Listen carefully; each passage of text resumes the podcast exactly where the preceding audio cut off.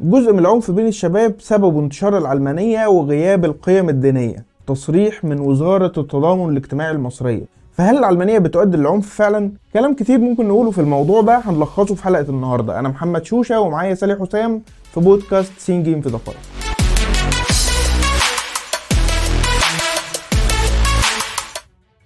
العلمانية عملت كل ده يا سالي؟ هو على ما يبدو بقى إحنا لسه محتاجين نعرف العلمانية وكأنها اختراع جديد المهم مبادئ العلمانية بتقوم على ثلاث نقط رئيسية. واحد فصل المؤسسات الدينية عن مؤسسات الدولة والمجال العام.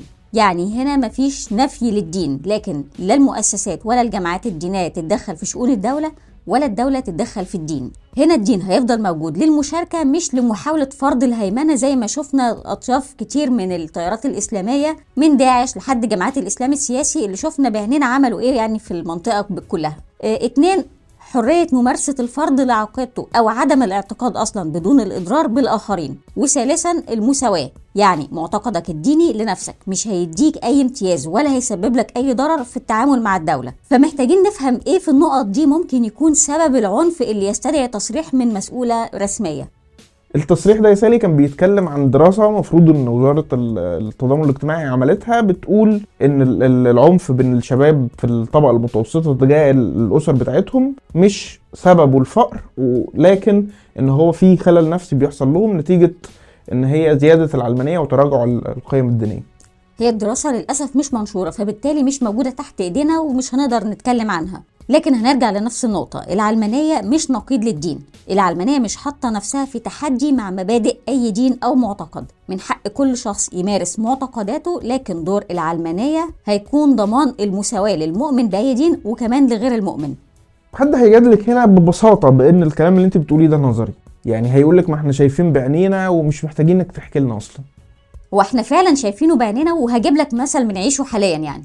عندك مثلا الهند الفترة اللي فاتت مفيش كام يوم بيعدوا بدون اعتداءات على المسلمين أو اشتباكات أو حوادث عنف يعني هتلاقي العلمانيين هناك واقفين غالبا مع المسلمين.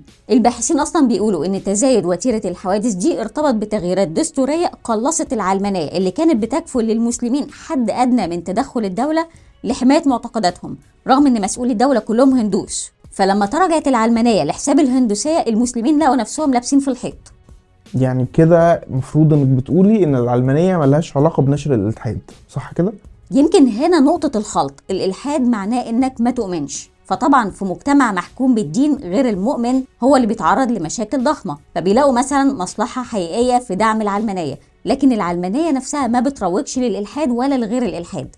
بس حتى يعني سمعنا كتير تصريحات من مسؤولين في الغرب بيتكلموا في فكرة إن هو التطبيق العملي للعلمانيه هو اللي تسبب في جرائم وأعمال عنف. كان في مثلا حاكم ولاية أمريكية قبل كده قال إن الحوادث العنف الوحشي اللي حصلت في أمريكا بيبقى سببها إن أمريكا أزالت الله بشكل منهجي من المدارس. هتردي على ده إزاي؟